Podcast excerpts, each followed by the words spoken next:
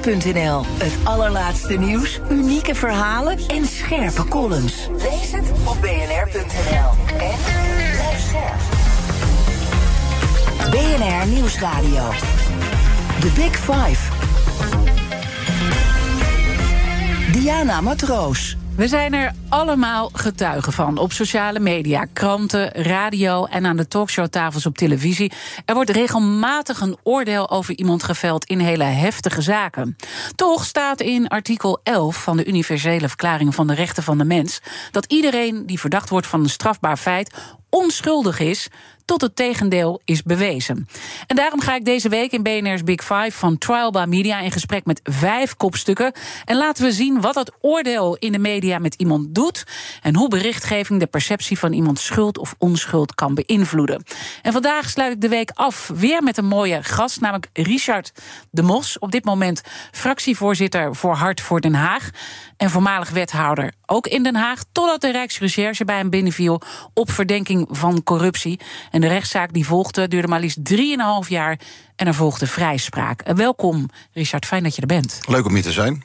Ik ga natuurlijk straks uitgebreid in op die corruptiezaak en ook het trial by media aspect daarbij. Maar voordat ik dat ga doen, uh, wil ik eerst iets anders vragen. Want in dat andere politieke Den Haag wordt druk geformeerd. En je bent natuurlijk ook voormalig uh, Tweede Kamerlid uh, van PVV. Hoe kijk jij naar de formatie en de rol die Wilders daarbij pakt? Nou, ik moet eerlijk zeggen dat dat Wilders wel zijn, zijn best doet om er wat van te maken. Ik vind ook dat hij uh, uh, op de eerste keuze na, uh, Gon van Strien vond ik niet zo sterk, maar de heer Plasterk en zeker nu Kim Putters vind ik echt zwaargewichten die, die hopelijk ervoor gaan zorgen dat de kiezer die gesproken heeft ook recht krijgt en dat de PVV een kabinet kan gaan formeren. En is het ook een hele slimme zet om juist voor Kim Putters te gaan? Ja, het is wel slim om, om mensen buiten je, je eigen uh, bubbel uh, uh, naar binnen te halen. Zeker ook omdat er partijen moeten schuiven. Er zal over de schaduw heen gestapt moeten worden. Wil er een, een kabinet komen. en ik hoop dat de heer Kim Putters daarin in gaat slagen. Ja, en de, en de hoop spreek je uit. Maar wat, wat, wat denk je reëel hoe dit gaat met de totaal verstoorde verhoudingen ja, die we is, ook hebben gezien? Het is natuurlijk ja, wel lastig als je natuurlijk Pieter Omzicht heet en je hebt zo uh, gewonnen. Hè, je komt uit het niets op zoveel zetels. Ja, dat je dan gaat, gaat praten met z'n vier. En dat daar zoveel gekissenbis is en gebakkerlei. Ik geloof niet dat de BV Nederland daar beter van wordt. Dus ik hoop dat iedereen een beetje over de schaduw heen stapt. En het belang van Nederland weer voorop ja. gaat stellen. En zou je daar ergens ook een soort trial by media overheen kunnen nou ja, leggen? Dat je ook ziet dat media ook een rol spelen hoe zo'n formatie gaat? Of is dat een Nee, de media speelt zeker een rol. De media is natuurlijk hartstikke nieuwsgierig en die staan natuurlijk te wachten hoe die uh, gesprekken gaan. Ja, het beste wat je dan kan doen is eigenlijk radiostilte afspreken. Ja. En uh, gewoon uh, je, jezelf opsluiten, sleutel weggooien en de kamer weer open doen als je eruit bent. Ja, want ik hoor ook wel van die dingetjes voorbij komen van ja, omzicht moet een beetje tot rust komen ja. in Enschede. En dat, daar wordt ook een beetje dan grappend over gedaan door sommige journalisten. En ik bedoel, ja. je moet het ook een beetje leuk maken misschien, maar je zegt daarmee toch wel heel veel over, over en weer. Terwijl over, misschien is hij helemaal niet overspannen. Hè? Dat nee, er wordt heel veel over en weer gezegd. En via ja. Twitter. En uh, het is natuurlijk heel verstandig om, om dat juist nu even allemaal niet te doen. Het landsbelang uh, bovenaan uh, te zetten. Met elkaar te gaan praten. Op een volwassen manier. En er gewoon samen uit te komen. En te zorgen dat je een coalitie in elkaar zet. Laten we praten over jouw zaak. En ik zei net, uh, na 3,5 jaar rechtszaak vrijgesproken. Maar uiteindelijk uh, weten we ook dat het hoge beroep uh, binnenkort ook dient. Ja. Um, hoe, hoe, hoe, hoe moeilijk is dat voor jou dat dat nu nog komt naar die hele weg die je al hebt afgelegd? Nou, dat was uh, best wel een klap in het uh, gezicht. Kijk, als je, het is niet een beetje gebrek aan bewijs, maar het is echt uh, een, een oorvijg geweest voor het Openbaar Ministerie. Hè. De drie rechters in Rotterdam die hebben daar gehakt gemaakt van de beschuldigingen en de aantijgingen. Ja, en ik had eigenlijk gehoopt dat het Openbaar Ministerie, wat wel ook heel erg in de schijnwerper staat, had gezegd van nou ja, we hebben gekregen wat we vroegen, namelijk dat een rechtbank een oordeel velt over wat Richard de Mos doet. Nou, dat is gebeurd. Ja, en ik had toch wel de hoop dat ze het daarbij zouden laten, maar niets is helaas minder waar. En, weliswaar met de zwaarste beschuldiging eraf. Uh, die mij heel veel pijn heeft gedaan. Die twee criminele organisaties. Uh, die hebben ze laten vallen. Dus eigenlijk is dat smaad en, en lastig geweest. Uh, drieënhalf jaar lang. Ja, gaan ze dan toch in een beperkt hoger beroep het gevecht opnieuw aan. En maak je daar nou nog zorgen over? Wat daaruit kan komen uiteindelijk? Nee, ik heb een rotsvast vertrouwen. Ik weet wat ik wel en vooral ook niet gedaan heb. ik heb een rotsvast vertrouwen dat ze opnieuw een oorvijg zullen krijgen. Alleen dat dat hele proces opnieuw moet. En dat ik weer geen wethouder ben. van de zomer is het college gevallen op de vrij vrijspraak. Ja, was eigenlijk de weg vrij om met mijn partij wethouder te worden. Ik had Rita Verdonk en ikzelf en, en nog een andere collega in de ja. coulissen staan om die wethoudersposten in te vullen. Ja, en we zijn van de zomer weer buitenspel gezet vanwege het hoge beroep. Dus het OM heeft ook rechtstreeks invloed op het democratisch proces in de Hofstad. Ja, en dat is dus zo lastig, hè? Dat je dus toch denkt, ja, uh, waar rook is, is vuur. Hè? Ik Zeker. bedoel, ik betrapte me daar zelf ook even op. Van, ik heb eerder deze week met Jaap van Everdingen gesproken, oud KPMG-bestuurder. Die is nou ja, twee keer vrijgesproken, uiteindelijk ook in hoger beroep. Acht jaar van zijn leven kwijt geraakt. Dus ik weet eh, hoe heftig het is. En toch denk je, ja, er, is nog, er komt nog wel een zaak aan. We weten toch nog niet helemaal hoe het zit. Ik begrijp dat ook van heel veel, heel veel, mensen. Zeker als je natuurlijk niet eh, dag en nacht met die zaak bezig bent. Dan denk je, ja, wat er in de media gezegd wordt. Of een openbaar ministerie zal het niet voor niks doen. Uh, dus ik begrijp heel goed dat mensen denken, uh, waar roken is vuur. Ik merk wel dat er voor mij een wereld is voor en na de volledige vrijspraak van 21 april uh, jongsleden. Ik merk ook in de stad dat heel veel mensen nu zeggen, ja, nu ga ik zeker op je stemmen. maar dat mensen dat denken, dat, dat snap ik ook. Ja, uh, laten we teruggaan uh, naar de zaak uh, zelf. Hè? Want mensen hebben er allemaal wel dingen natuurlijk van meegekregen. Het is ook veel in het nieuws geweest. maar waar draaide de zaak ook alweer over? Nou, de zaak in, in den beginnen was 1 oktober 2019. kwamen ze bij me binnen. het was eerst corruptie, mijnheid en schending in het van het Amsgeheim. Dat is allemaal al heel heftig. daar is ook het college een dag later opgevallen. Ehm, en vervolgens, na een jaar wachten, ben ik eindelijk is verhoord. En toen kwam er nog een uh, veel gekkere beschuldiging bij, namelijk uh, deelname aan maar liefst twee uh, criminele organisaties. Ja, dan is, dan is het wel heftig om je daar tegen te verweren en daar overeind te blijven. En het ging ook over bepaalde nachtvergunningen van ondernemers, hè, ja. die, die nou ja, een zaak hadden in Den Haag, daar een nachtvergunning voor wilden. En dat jij eigenlijk ze daarbij voorgetrokken ja. zou hebben. Ja. En, en zij ook verbonden waren aan jouw partij. Daar, daar draaide het aan. ja, ik heb in ons verkiezingsprogramma stond we willen de nacht verruimen. Het uitgaan in Den Haag is eh, te vergelijken soms met eh, schijn op gul. Dus daar word je niet vrolijk van als, eh, als grote stad. Je wil die studenten die in onze stad leven ook wat bieden. Ja, in ons verkiezingsprogramma stond nachtvergunningen. De locaties voor nachtvergunningen, dat is duizend vierkante meter en groter. Ja, die zijn schaars in Den Haag. Dus ik heb er uiteindelijk samen met het college, het is in samenspraak gegaan, hebben we vijf nachtvergunningen uitgegeven door de burgemeester. Ja, en daar zat inderdaad een vergunning bij voor een donateur aan mijn partij. Maar die andere vier die hadden helemaal niets eh, met mijn partij van doen. Dus degene die hem wilde hebben, die hebben hem gehad. Uh, dus jij hebt ook echt uh, zoiets gehad, oké, okay, ik, ik bewandel gewoon de wegen en ik ben daar transparant over. En dan uh, nou, noem je net even heel feitelijk uiteindelijk dat dan de Rijksrecherche bij je binnen staat. Ja. Um, en ja, ik, ik bedoel, ik, ik, echt, ik, ik hoop het nooit mee te maken. Want dat is, moet echt uh, verschrikkelijk uh, zijn. Wat ging er op dat moment door jou heen toen dat gebeurde? Nou ja, eerst nog humor. Ik denk, uh, waar is Ralf Inbar? Maar goed, uh, de beste man die is al een paar jaar uh, ja. aan de ja. andere kant van, van de wereld. dus die, die kwam niet. En toen was het natuurlijk al vrij snel duidelijk dat het geen grap was, maar dat het echt bittere ernst was. En er stonden daar 10, 12 mensen in mijn huis. sommigen met kogelvrije vesten. ja, dan denk ik, ja, ik, ik ga niet terugschieten. Ik, ik wil gewoon het gesprek met je aangaan. En dan, ja, dan hoor je daar een, een knotsgekke beschuldiging die je dan ook niet kan plaatsen. Uh, ja, dat is het begin geweest. Die, uh, dan gaan ze met, met grijpgrage vingertjes en de, de nieuwsgierige oogjes... dan gaan de kasten open, gaan ze overal doorheen graaien. Ja, dan zit je wel te denken, wat gebeurt hier? Ja, en, en, en krijg je dan niet gewoon kortsluiting op zo'n moment? In je hoofd?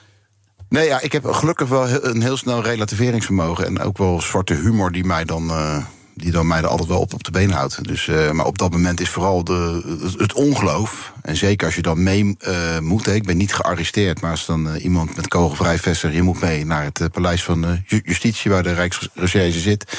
ja, dan doe je dat. Ja, en dan heb ik een advocaat moeten bellen. En dat zijn je, natuurlijk je eerste kosten die je, die je hebt moeten maken. Voor 350 euro per uur uh, wilden ze me wel bijstaan.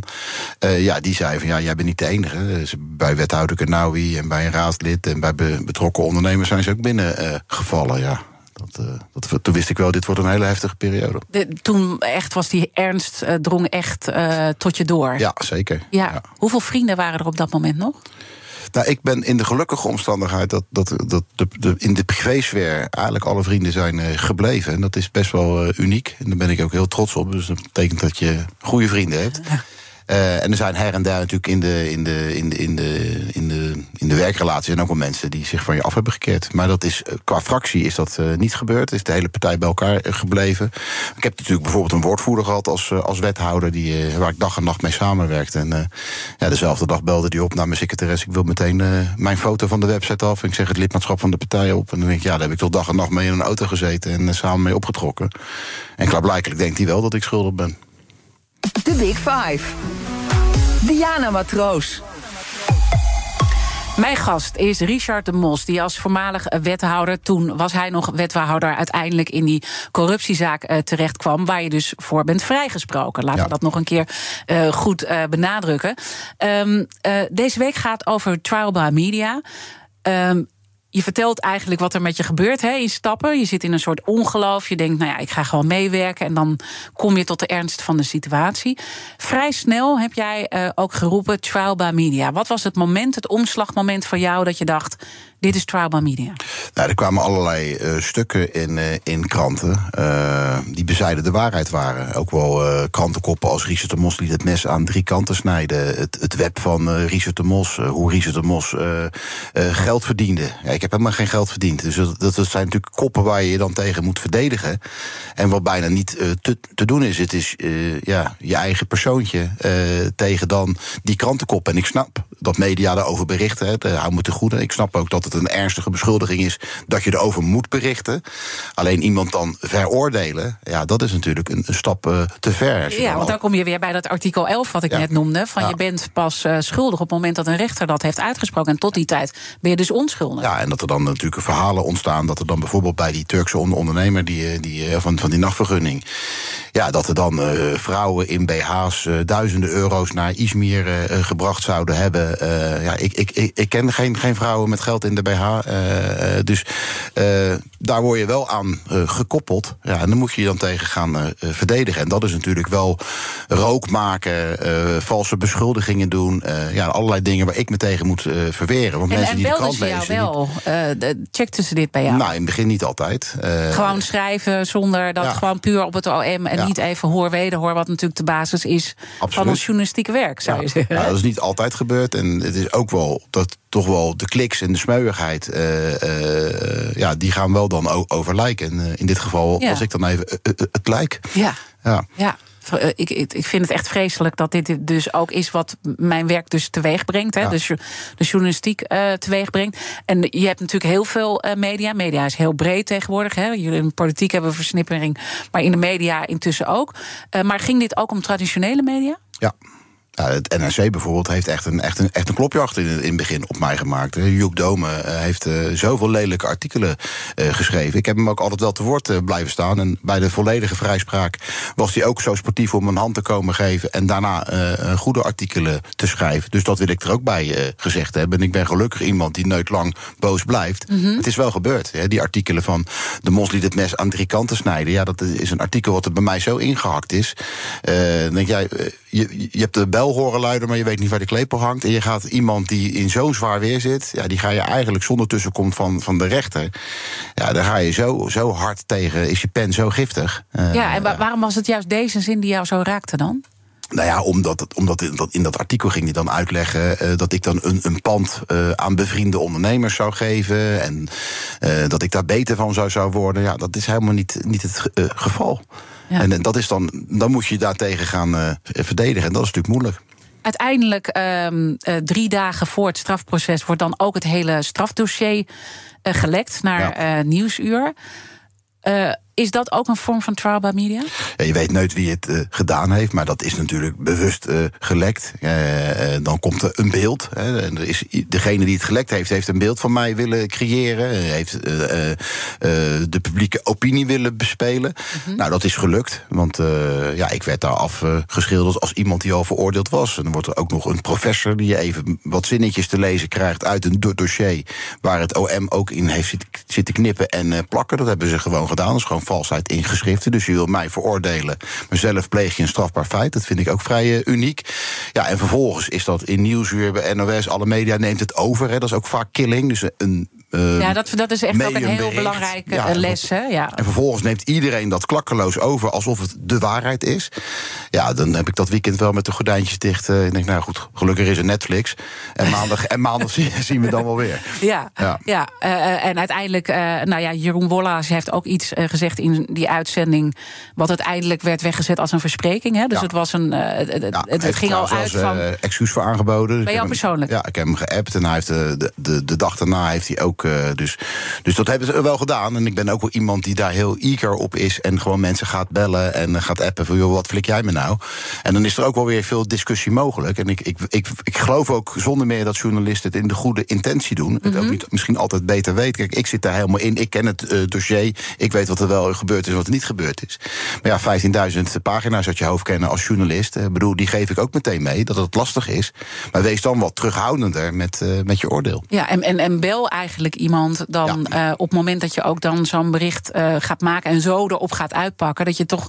Ja. Want, want, want, was jij daarvoor gebeld? Uh... Nou, bij sommige artikelen wel. En uh, kijk, bij NRC heb ik ook niet altijd willen reageren. Ik heb ook wel eens gezegd: je bent toch niet geïnteresseerd in de waarheid. En ik heb ook wel eens een keer drie haringen. Hè, ik kom uiteindelijk uit de Scheveningen op dat krantenartikel gelegd. En dat getwitterd. Morgen wordt de vis er weer in verpakt. Dus ik ben er ook wel met humor mee omgegaan. Dus ik had er ook niet altijd zin in. Als, kijk, als, je, als, als de pen al zo giftig is, ja, moet ik dan nog voor de vorm dan een reactie geven. Dus ik heb dat niet altijd gedaan.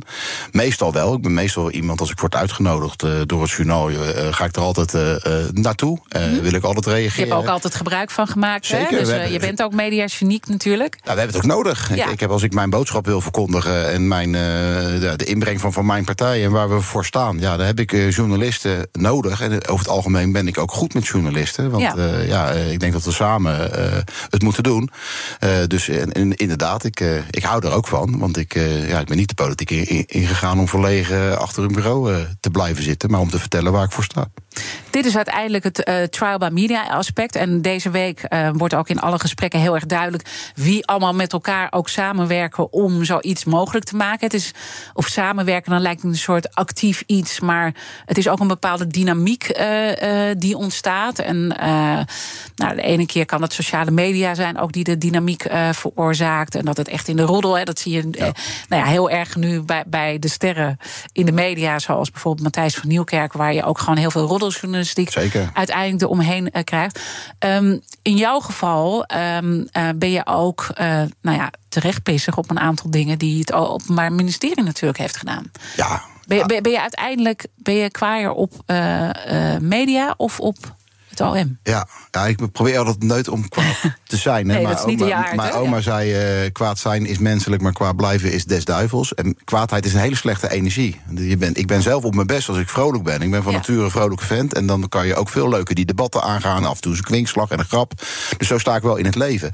Maar wat het Openbaar Ministerie gedaan heeft. En het meest erg is tijdens de, de zitting dat ik een, een, een app-communicatie heb met een vriend uh, over een privé kwestie. Uh, en dat ik vraag aan mijn vriend om daar stil over te zijn. Mijn vriend zegt, joh, mijn lips uh, are sealed ja, dat het OM dat gebruikt en, uh, met knippen en, en, en plakken om mij voor ja, die vond ik ook. Ik heb inderdaad heel is, veel gelezen. Ja, dat, is, dat is zo bizar. Hoe krijg je het voor elkaar? En er wordt dan sorry over gezegd. Maar aan de sorry-machine van het Openbaar Ministerie heb ik helemaal niks. Hè. Ik bedoel, zij hebben uh, willens en wetens ook gezegd...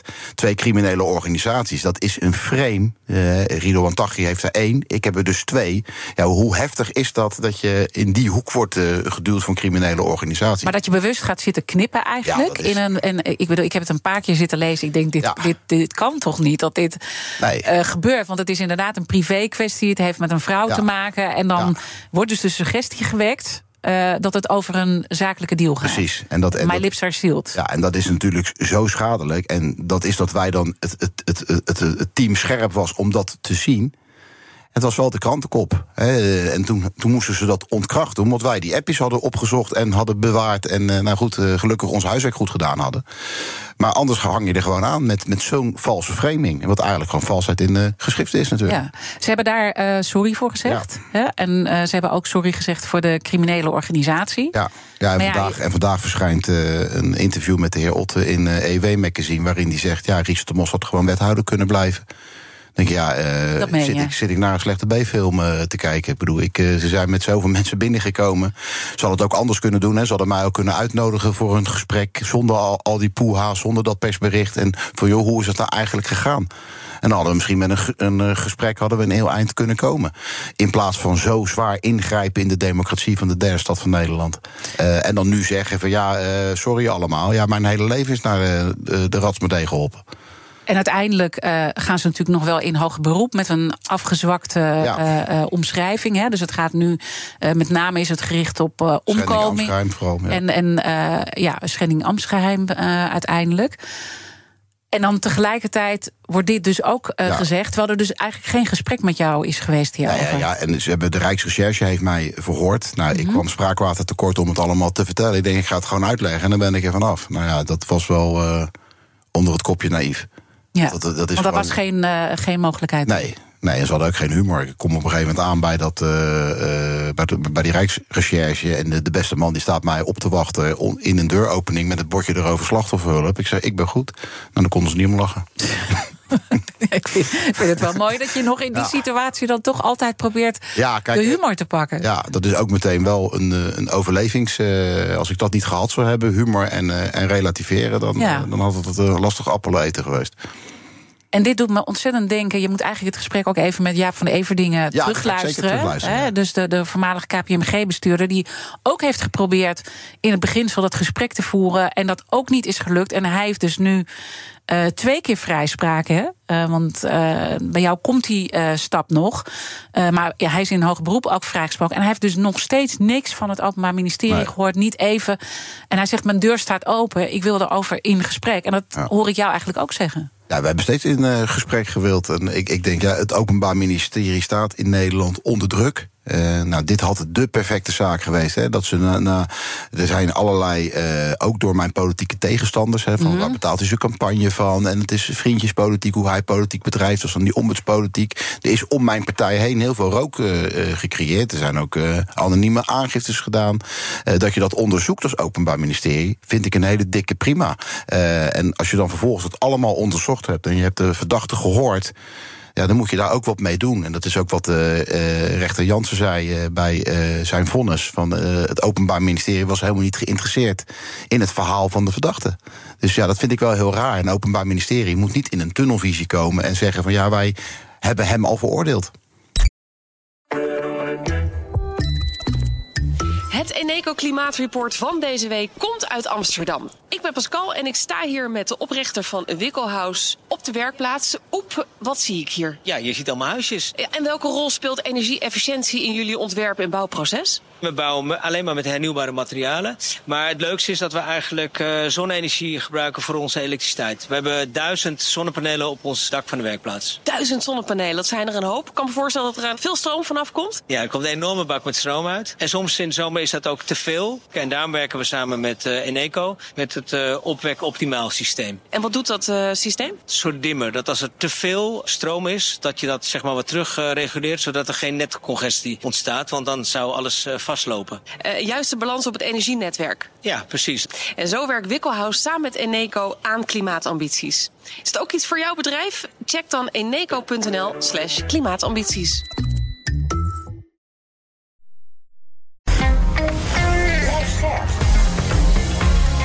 BNR Nieuwsradio. The Big Five.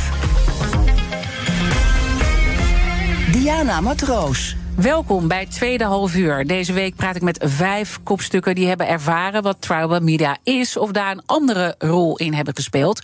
Eerder deze week sprak ik er ook al over met Peter Plasman. Uh, dat is onder meer de advocaat van mijn gast nu. Was een, nou, puur toeval uiteindelijk dat dit zo uh, samenkwam. En ik sprak met hem over de juridische aspecten van een trial by media. Het is allemaal terug te luisteren via de BNR-app. Mijn gast uh, vandaag is Richard de Mos. Hij is fractievoorzitter van Hart van. Hart voor Den Haag, moet het wel eens goed zeggen. En voormalig wethouder en Tweede Kamerlid van de PVV. Uh, overigens uh, moest ik van Peter Plasman vragen wat jullie morgen samen gaan doen. Nou, hij is aan de beurt om te tracteren. dus uh, we, gaan, we gaan met de vrouwen erbij gaan we, gezellig een hapje eten. en hij is de vorige keer in Den Haag geweest. toen hebben wij getrakteerd. En het is nu aan, aan Peter en Judith. Dus we dus gaan er er is een heel maken. vriendschappelijke door deze hele ellende heen toch een nieuwe vriend gekregen. Zeker, en dat is, eh, dat is, we hebben het samen ooit nog eh, geprobeerd om een politieke partij eh, te beginnen. Ja. Maar dat was geen onverdeeld succes. Maar eh, eh, het is heel leuk om met Peter eh, te vertoeven. Eh, we hebben vaak ook een hele andere kijk op politiek. En dat eh, houdt ook de discussie scherp. En eh, het is gewoon een hele fijne kerel. Ja, en eh, overigens was er wel bij gezegd op het moment dat het zou lukken en jullie uiteindelijk wel met z'n tweeën waren doorgestoten, dat hij dan natuurlijk niet meer jouw advocaat Nee, had kunnen klopt. zijn. Hè? Ja, dat klopt. Goed om dat er ook bij te stellen. Eh, wat ik graag nog met je wil eh, bespreken is wat alles wat jij hebt meegemaakt en nog steeds meemaakt richting dat hoger beroep, wat dat nou doet met jouw politieke carrière, maar ook met jou als mens en ook al voor eh, de democratie en Ja. de rechtsstaat eh, waar we in leven. Maar ook ombudspolitiek. Want dat is misschien toch nog wel goed om te benoemen. Jij noemde dat woord zelf ook. Eh, en dat woord valt nogal vaak Ja. bij jouw partij Hart voor Den Haag. Wat bedoel je ermee zelf? Nou, eigenlijk is dan, ja, in, de- in de ondernemerswereld zeggen ze de klant is koning. En voor mij is dan de kiezer koning. En wij gaan gewoon op de specifieke gevallen van, van mensen... gaan wij kijken wat we kunnen doen. Dus als een ondernemer in de problemen komt... dan zeggen we niet dat is een individueel geval. Nee, dat is heel vervelend voor die ondernemer. Die waarschijnlijk een gezin moet voeden... en misschien ook eh, de gezinnen van de medewerkers. En dan proberen wij daar een, een, een oplossing eh, voor aan te dragen. Het is oplossingsgerichte politiek. Ook niet te vangen in, eh, we zijn of, of sociaal-democraten of liberalen. Weet je wel, dat hebben wij helemaal niet. We zijn gewoon heel pragmatisch en kijken van... joh, dit is het probleem. Ja, en dat wat is wilden de we natuurlijk ook steeds meer van politici... die eigenlijk in hun ivoren toren blijven zitten. was vaak Ja. de beschuldiging van laat jezelf wat meer zien Ja, en dan gaat het natuurlijk mensen. in de lokale politiek makkelijker. Je gaat eh, gewoon de straat op. Hè. We brengen Ja. de straat eh, naar de raad, zeggen we altijd. En eh, ja, we hebben hele wijkteams die dus ook bij de ondernemers langs gaan, bij bewonersorganisaties aankloppen. Hoe, hoe gaat het hier? En ook gewoon echt. we hebben laatst een, een mevrouw die had maanden moeten aanvragen haar traplift. Ja, daar duiken wij dan op. En Ja. heeft ze binnen twee weken heeft ze die traplift. Dan kan het omhoog. Ja, en, en zo zijn er heel veel voorbeelden. Hè, zoals ook de vastgoedondernemers die geholpen moeten worden. Of nou ja, de eigenaren van eh, bepaalde horecabedrijven. En nou is nou juist dat stukje ombudspolitiek... juist ook wat jou in het verdachtebankje Ja. eh, plaatst. Omdat... ehm, ja, daar, het, het werd, kwam in een zaak ook eh, naar voren, in die corruptiezaak. Maar je hebt bijvoorbeeld ook het steunpunt integriteitsonderzoek politieke ambtsdragers. En is kritisch ook over ombudspolitiek. Omdat het een systeem is van corruptie, cliëntelisme en vriendjespolitiek. Ja.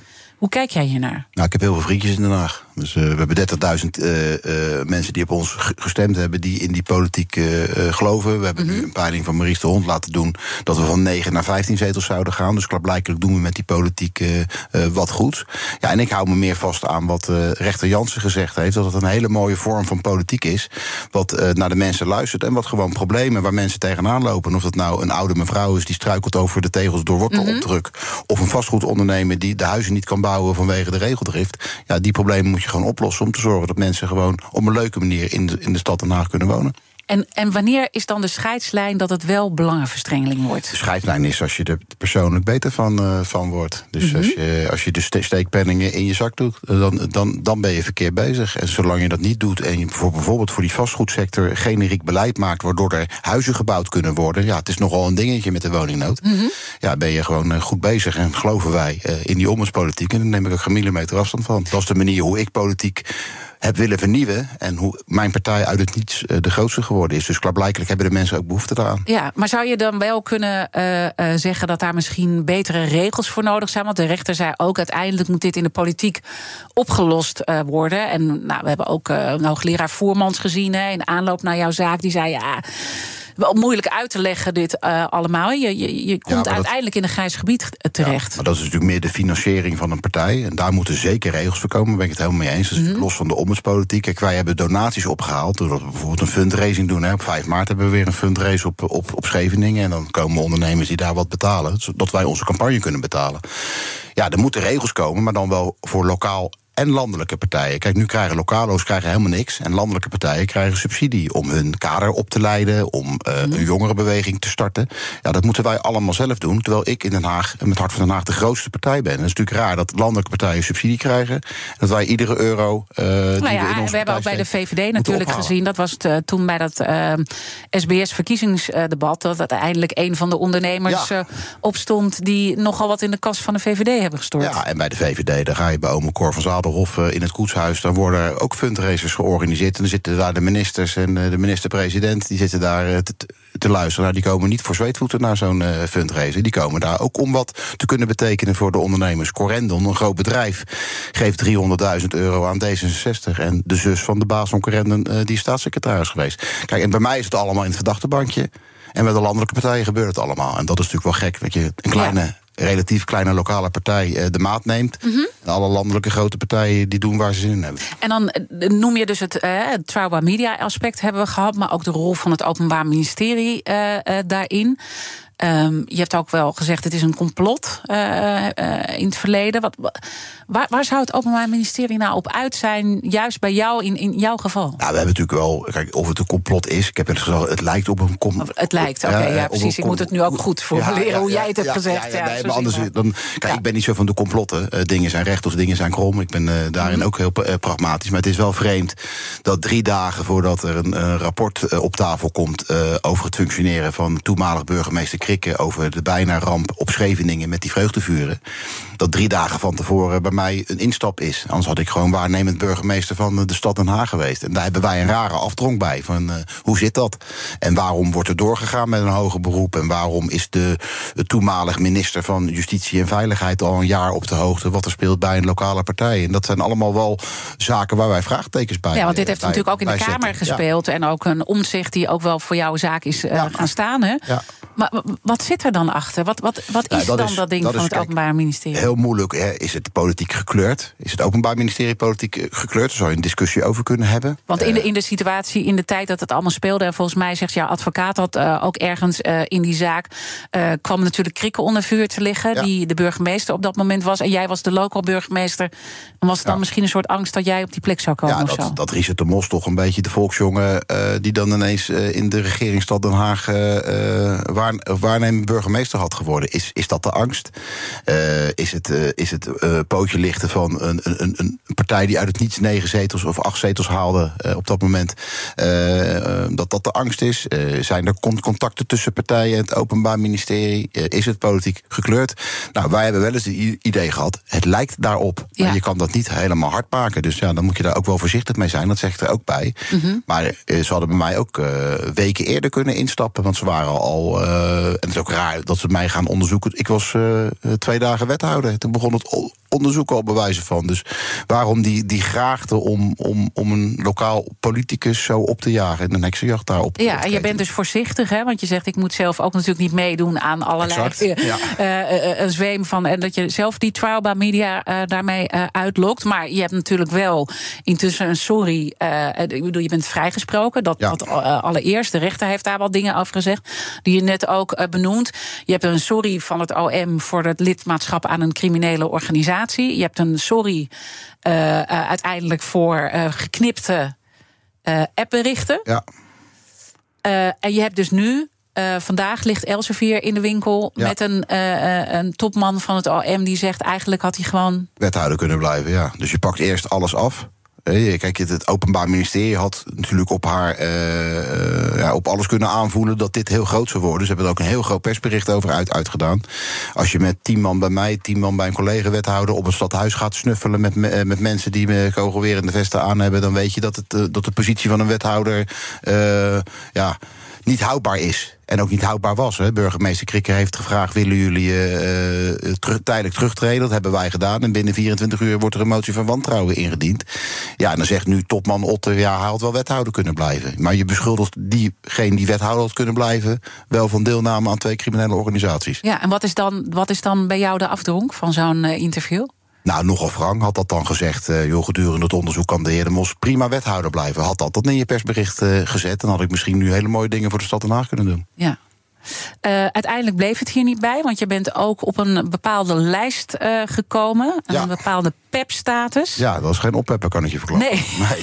Nee, nee. dus de, de, daar staat er gewoon op dat ik nog uh, ja, lid ben van gangs en van syndicates. En, nou goed, allemaal, Politically exposed persons. Ja, nou dat is dan wel leuk om te horen dat je ertoe doet. Maar ja. de dingen die ze erop hebben gezet, ja, dat is voor mij als je een bedrijf wil voeren heel lastig. Ik kom in de problemen bij een notaris, ik kom in de problemen bij het openen van een bankrekening. Nou, allemaal dankzij het Openbaar Ministerie die nu de sorrymachine heeft aangezet. Want wanneer kwam je daarachter dat dit... Ik kwam daar toevallig achter omdat ik in het bestuur van een stichting wilde gaan zitten. en toen zei de notaris, je hebt een bestuursverbod. Ik zei, dat kan helemaal niet, want ik ben volledig vrijgesproken op 21 april. Nou, uiteindelijk is het allemaal goed gekomen en heb ik in dat bestuur kunnen komen. Maar voorlopig lig je er een nacht wakker van, moet je een advocaat opzetten om het allemaal te corrigeren. En het Openbaar Ministerie heeft wel de best gedaan om al die valse framingen de wereld in te helpen. Maar te zorgen dat het wordt opgeschoond, dan zijn ze niet thuis. Bij BNR ben je altijd als eerste op de hoogte van het laatste nieuws. Luister dagelijks live via internet. Jelle Maasbach, Wesley Weert. We zijn er voor je met het leukste, opvallendste, maar natuurlijk ook het belangrijkste nieuws. Tijdens de presentatie van die halfjaarcijfers toen die beurskoers in elkaar kukkelde. BNR Beurs. Voor de slimme belegger. Blijf scherp en mis niets. BNR Nieuwsradio. The Big Five. Diana Matroos.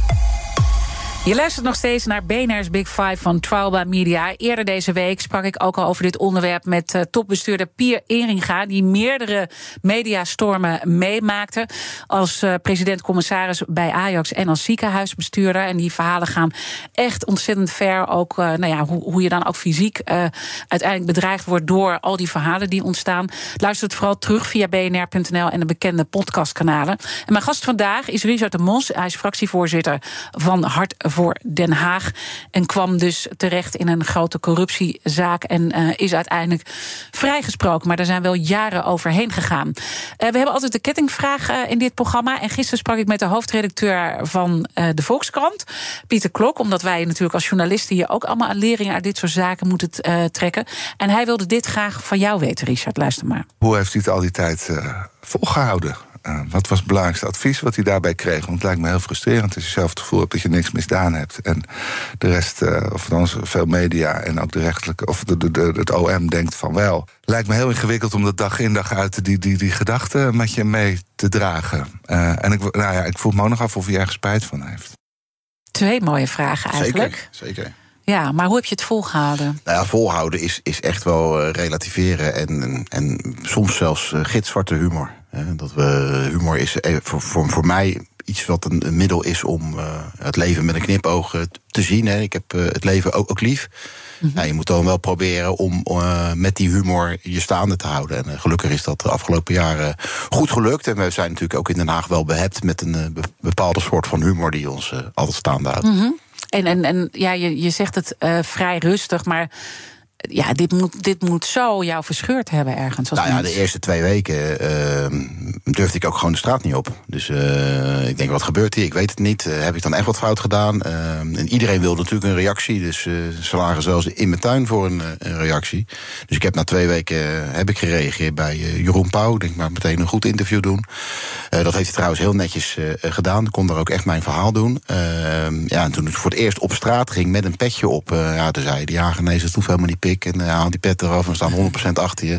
Ja, en dat gaf oh, dat wel, wel een goede vibe. En dat de, steun vanuit de stad die uh, is zo groot geweest. En dat heeft mij natuurlijk ook uh, gemotiveerd om, om, om, door te gaan. Ja. Je denkt eerst van, nou, ik, ik ga mijn huis verkopen, ik ga ergens een bed Bucks beginnen of zo. een mooi ver land. maar juist die steun vanuit de stad, die massale steun mag ik wel zeggen. Dat mensen zeggen, je moet doorgaan, die manier van politiek bedrijven ja, is, is goed. Ja. En dat heeft mij natuurlijk heel erg Ja, maar wat mij heel erg lijkt, is dat je dus op een gegeven moment dus zelfs gaat twijfelen aan jezelf. Want dat zei je net even ja, tussen een zin zeker. door. Ja, ja dat doe je de eerste, eerste weken ook. En ja. ook uh, het eerste jaar uh, ben ik een hele zure man geweest. Ben ik ook op een zure manier politiek gaan bedrijven. Dus altijd boos. En dat is eigenlijk niet de ombudspolitiek. De ombudspolitiek is juist een vrolijke vorm van politiek. Waar kritiekpunten zijn op andere partijen. Maar dan wel met een oplossing erbij. Dat is ook al juist wat jou kenmerkt. En dat raakt je eigenlijk daarin kwijt. kwijt. Ja, en dat is eigenlijk ook privé is dat. Ik ga niet te veel over het privéleven vertellen, maar pri- privé ook een man zijn die uh, snel boos is, die uh, snel op steentjes getrapt is, uh, nor, nors, nukkig. ik heb toen ook nog het overlijden van mijn moeder gehad. de vlak voordat het Openbaar Ministerie kwam binnenvallen. Mm -hmm. Niet de tijd genomen om dat te verwerken. Dat was ook mijn beste vriendin naast mijn moeder. Dus. ja, dus op een gegeven moment komt dan die man met de hamer wel een keer en die zegt van ja En dan heb ik ook in de spiegel gekeken van, joh, dit is niet de man die ik wil, wil zijn. Dus pas, nou, heb ik pas na een jaar gedaan. En toen heb ik weer die vrolijke pet opgezet. En het leven is ook veel te mooi om het je te laten afnemen door het Openbaar Ministerie. Want dit duurt jaren. Ja, toen heb ik voor gekozen, ja, dit kan nog wel eens jaren duren. En als ik dan jarenlang zaggerijnig ben, dan is dat ook zo zonde. Want Ja. Het is twee keer met de ogen knipperen en eh, het is voorbij het mooie leven. Dus geniet er ook gewoon vooral Nou, en van. dat vind ik ook gewoon een belangrijke les ook voor de, voor de journalistiek en media eh, breed. Hè? Dus dat je. Als je dus iets zegt hè, dat zo over de persoon gaat. En ik vind het ook fijn dat je zegt: ik heb begrip ook voor jullie werk en Zeker, voor mijn werk. Hè, dat als het Openbaar Ministerie iets zegt, moeten wij daar ook eh, iets mee. Absoluut. Hè, maar het is toch de toon ook die de muziek maakt eh, uiteindelijk. Want het heeft natuurlijk ook effect op eh, een heel gezin of op, Ja. op een relatie. en je moeder ook, die natuurlijk ook, ik bedoel, haar zoon wordt op dat moment ook besmeurd. Nou, ze heeft dat gelukkig. Zij, zij overleed in, in juli 2019. In oktober 2019 kwamen ze binnenvallen. Dus dat heeft ze gelukkig niet, eh, niet, niet, niet mee Mhm. hoeven maken. Maar kijk, mijn broers heten ook de Mos eh, van de achternaam. Ik heb één, één broer die ook nog eens een keer eh, een naam heeft die begint met een R. Dus dat is ook R de Mos. Ja, hij zei: Ik heb daar gewoon last van. Door jou. Ja. En dat zegt hij niet dat hij boos op me is, maar het is gewoon vervelend voor je omgeving om zo geframed te worden. Ja, de twee criminele organisaties, het is nogal wat. Eh, ja, daar moet je dan wel eh, eh, mee omgaan. En ik snap ook dat dat voor hem, hij is van totaal ander eh, politiek plumage dan ik, eh, dat dat lastig is. Ja. Hij heeft niet voor die. Voor die bekendheid eh, gekozen. Of, of dat zijn broer dan de politiek ingaat en bekend is. eh, ja, dat is niet zijn keuze. En ook je team, denk ik. Hè? Ik bedoel, die worden daar Ja, natuurlijk ook op daar heel veel last van gehad. En daarom ben ik ook zo trots op al die vrijwilligers die ja, onverdroten wijk in, wijk uit, straat op, straat in, dat gedaan hebben. En de, de boodschap van Hart van Den Haag hebben verkondigd, ondanks die zware beschuldigingen. Ja, en die hebben ook niet altijd makkelijk gehad. Nee, zeker niet. Als er nu iemand zit te luisteren, want we weten intussen ook dat ook zakelijk bestuurders ook steeds meer persoonlijk onder vuur komen eh, te liggen. In bepaalde zaken, bijvoorbeeld in milieuzaken. ehm, eh, of iemand die gewoon onterecht, zoals Jaap van Everdingen, in Ja. een grote belastingfraudezaak. Of wat, wat jij hebt meegemaakt, die zit misschien nu ook eh, hij of zij te luisteren. Wat, wat zou je tegen die persoon willen zeggen? Die personen die dat hetzelfde hebben meegemaakt. Ja, die eh, nu, die nu er misschien nog midden eh, ja, in zitten. Blijf vooral naar, naar buiten gaan. Blijf in jezelf geloven. Blijf eh, de mensen zoeken die, die, je- die je verder helpen, die je steunen. Eh, ja, en het, het wordt nooit zo donker of het wordt weer licht, zou ik wel bijna willen zeggen. Want dat is echt zo. Als je, als je de positiviteit en de opgeruimdheid in, in je leven kan creëren, dan helpt dat enorm om eh, stappen vooruit te. Maar hoe doe je dat? Want ik bedoel, je zit dan op een gegeven moment op een heel diep moment. Ik weet niet wat, wat een diep moment was eh, voor jou. Dan lig je misschien wakker, dan zie je het gewoon helemaal niet meer zitten. Nou, en vaak, dan? vaak alleen in, in, in bed, dat zijn de moeilijkste eh, mo- momenten. En dan vind je jezelf soms ook nog heel zielig en dan weer de gordijnen dicht. En dan eh, nou, ga niet zwelgen in zelfmedelijden, dat is een hele slechte. Niet doen. Ja, ik ben, eh, ik, heb, ik ben gezegend met een gigantisch strand bij mij voor de deur. En ik heb op vijf minuten lopen, zit ik op het mo- mooie strand van Kijkduin. Ja, ga wandelen, ga naar buiten, ga de leuke dingen in het leven doen. Hè. Er zijn natuurlijk zoveel dingen die leuk zijn in het leven. Nou, die moet je gaan, gaan zoeken. Ook op de momenten dat het misschien even tegen zit of dat je je niet zo lekker voelt, ja, toch gaan doen. En dan zal je zien, joh, die kroeg, dat bezoekje was toch wel heel gezellig. En we hebben weer ouderwets gelachen. Of die bezoek aan een voetbalclub. Nou, in mijn geval ga je dan natuurlijk naar Ouder Den Haag. Dat was toch wel leuk, Ja, al, al die mensen ja. daar. En we hebben nog gewonnen ook. Ja. Dus, eh, nou zo. Ja, en ik vond ook wel mooi wat Jaap van Everdingen zei. Die had op een gegeven moment een vriend en die zei van... eh, dit was een bananenschil, een een flinke. Eh, eh, maar de, eh, jouw, nieuwe, jouw nieuwe leven is nu begonnen. Zeker. En kijk, er is, je, je gaat, al- als een deurtje dicht gaat, gaat er altijd weer eentje open. Nou, een beetje die dooddoeners. Ja, die ja. moet je jezelf wel in je hoofd prenten. En het is ook echt zo. Kijk, als je Want ben je als mens veranderd?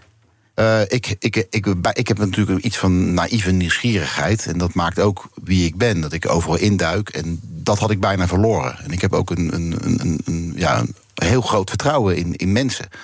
En ook dat had ik bijna verloren. En als je natuurlijk vertrouwen in mensen hebt, kan je ook wel eens met je neus tegen, tegen de deur lopen. Hard. Of je kan uit de, bocht, Ja. uit de bocht vliegen. En toch zou ik dat niet willen verliezen. Want juist die naïeve nieuwsgierigheid, dat maakt het leven ook heel leuk en spannend. Ja. Hou je ook vertrouwen dus in ons als journalistiek? Tuurlijk. Jullie Ja. zijn uiteindelijk, uiteindelijk hele lieve Gelukkig, mensen. En, ja. eh, journalisten doen ook gewoon de werk. Ja. En journalisten weten ook hoe zwaar het is. Hè. Er zijn natuurlijk zat journalisten die niet op een veilige manier het werk kunnen doen. Dan spring ik ook altijd in de bres. Hè. Er zijn ook in Den Haag Mhm. wel eens journalisten belaagd. Ja, niet doen. Eh, zij moeten ook op een veilige manier het werk kunnen doen. En ook met een journalist mag je natuurlijk mordicus oneens zijn. Maar uiteindelijk moet het natuurlijk uh, geweld en Ja. heel erg op de persoon. Ja, daar moet je verwaken. En dan moeten journalisten dan andersom een beetje naar die volksvertegenwoordigers... die het allemaal met de goede intenties doen. Daar ben ik van overtuigd. Of het nou van links of rechtse partijen zijn... of van prachtige ombudspolitieke partijen als de mijne. Die doen het allemaal met goede intenties. Ja. En eh, ja, ik wil toch ook eh, persoonlijk, want ik ben heel eerlijk, sprak ik uit aan het begin van de Ja. uitzending. Eh, dat ik zelf ook dan, eh, ja, dan denk ik, nou, beroep gaat toch nog door. Weet je, hoe, Ja. hoe, hoe, hoe zit dat? Eh, nou, wil ik je ook mijn verontschuldiging aanbieden. Eigenlijk dat ik de gedachte al heb. Nee, dat hoeft helemaal niet. Kijk, Nou ja, ik- want het ik- is toch wel, Ik snap het ook. eh, Kijk, als, ik, als ik een krant lees over een ander... dan denk Heb ik je ook, het ook? Poeh, nou, dat zal wel waar zijn. Dus eh, Ja. iedereen heeft dat. Dus ik veroordeel zeker de mensen niet die, die denken van... ja, er wordt over bericht, dus het is waar. Het, het, het is een heel logisch iets wat mensen doen. Dus ook journalisten, want het zijn net, eh, net mensen. En we moeten altijd kritische vragen natuurlijk blijven stellen. Ehm, eh, hoe, hoe ziet jouw eh, toekomst eruit? Ik bedoel, je weet, dit hoger beroep moet je gewoon door. Ja, nou, heel rooskleurig. We gaan dat hoger beroep winnen. En dan wachten we ons in 2026 de gemeenteraadsverkiezingen... waar de campagne nu al voor begonnen is. En dan gaan we gewoon die verkiezingen glansrijk winnen. En dan gaan we de stad redden, want het is broodnodig. Ja, want je hebt natuurlijk wel imagoschade geleden. Ja. Maar aan de andere kant, eh, ehm, ik bedoel, de steun die is gewoon onverminderd groot. Hè? Dus Eh, daar heb je. Het geeft misschien ook wel voor mensen wel, eh, juist misschien ook een reden om op je te stemmen. De gunfactor is heel groot. En de laatste peiling van de 100 jaar 15 zetels is natuurlijk eh, gigantisch. En eh, wij gaan gewoon zorgen dat we die mooie stad Den Haag... nog een beetje mooier gaan maken. En de mooiste dagen van Den Haag, die liggen voor ons. Ik wil je nog één ding vragen. En dat is de kettingvraag door te passen naar de volgende gast. Dat is namelijk oud-diplomaat en oud-ambassadeur in Oekraïne en Ierland, Robert Serrie. Eh, mijn collega Art Royakkers maakt een week over de oorlog in Oekraïne. Wat zou je Robert Serrie willen vragen? Nou, eigenlijk, eh, wanneer komt de weg naar, naar vrede? Hè? Wat ik een beetje mis is dat de wereldleiders eigenlijk niet naar Moskou eh, vliegen om eens te gaan praten over vrede. En wat doet nou die wapenleveranties? Is dat nou, eh, helpen we daar de Oekraïne mee? Of helpen we daar vooral eh, de wapenleveranciers heel erg mee? Nou, volgende week hoor je het antwoord eh, op maandag. Ik ben heel benieuwd. Dankjewel dat je te gast wilde zijn, eh, Richard de Mos. Ehm, en natuurlijk eh, fractievoorzitter van Hart voor Den Haag. En natuurlijk zijn alle afleveringen van de Big Five zoals altijd terug te luisteren. Abonneer op onze podcast, maar blijf vooral live nu. Zometeen zaken doen met Thomas van Zijl. Ik wens je een mooie dag en een prachtig weekend. Bij BNR ben je altijd als eerste op de hoogte van het laatste nieuws. Luister dagelijks live via internet. Jelle Maasbach. Wesley Weert. We zijn er voor je met het leukste, opvallendste, maar natuurlijk ook het belangrijkste nieuws. Tijdens de presentatie van die halfjaarcijfers toen die beurskoers in elkaar kukkelde. BNR Beurs. Voor de slimme belegger. Blijf scherp en mis niets.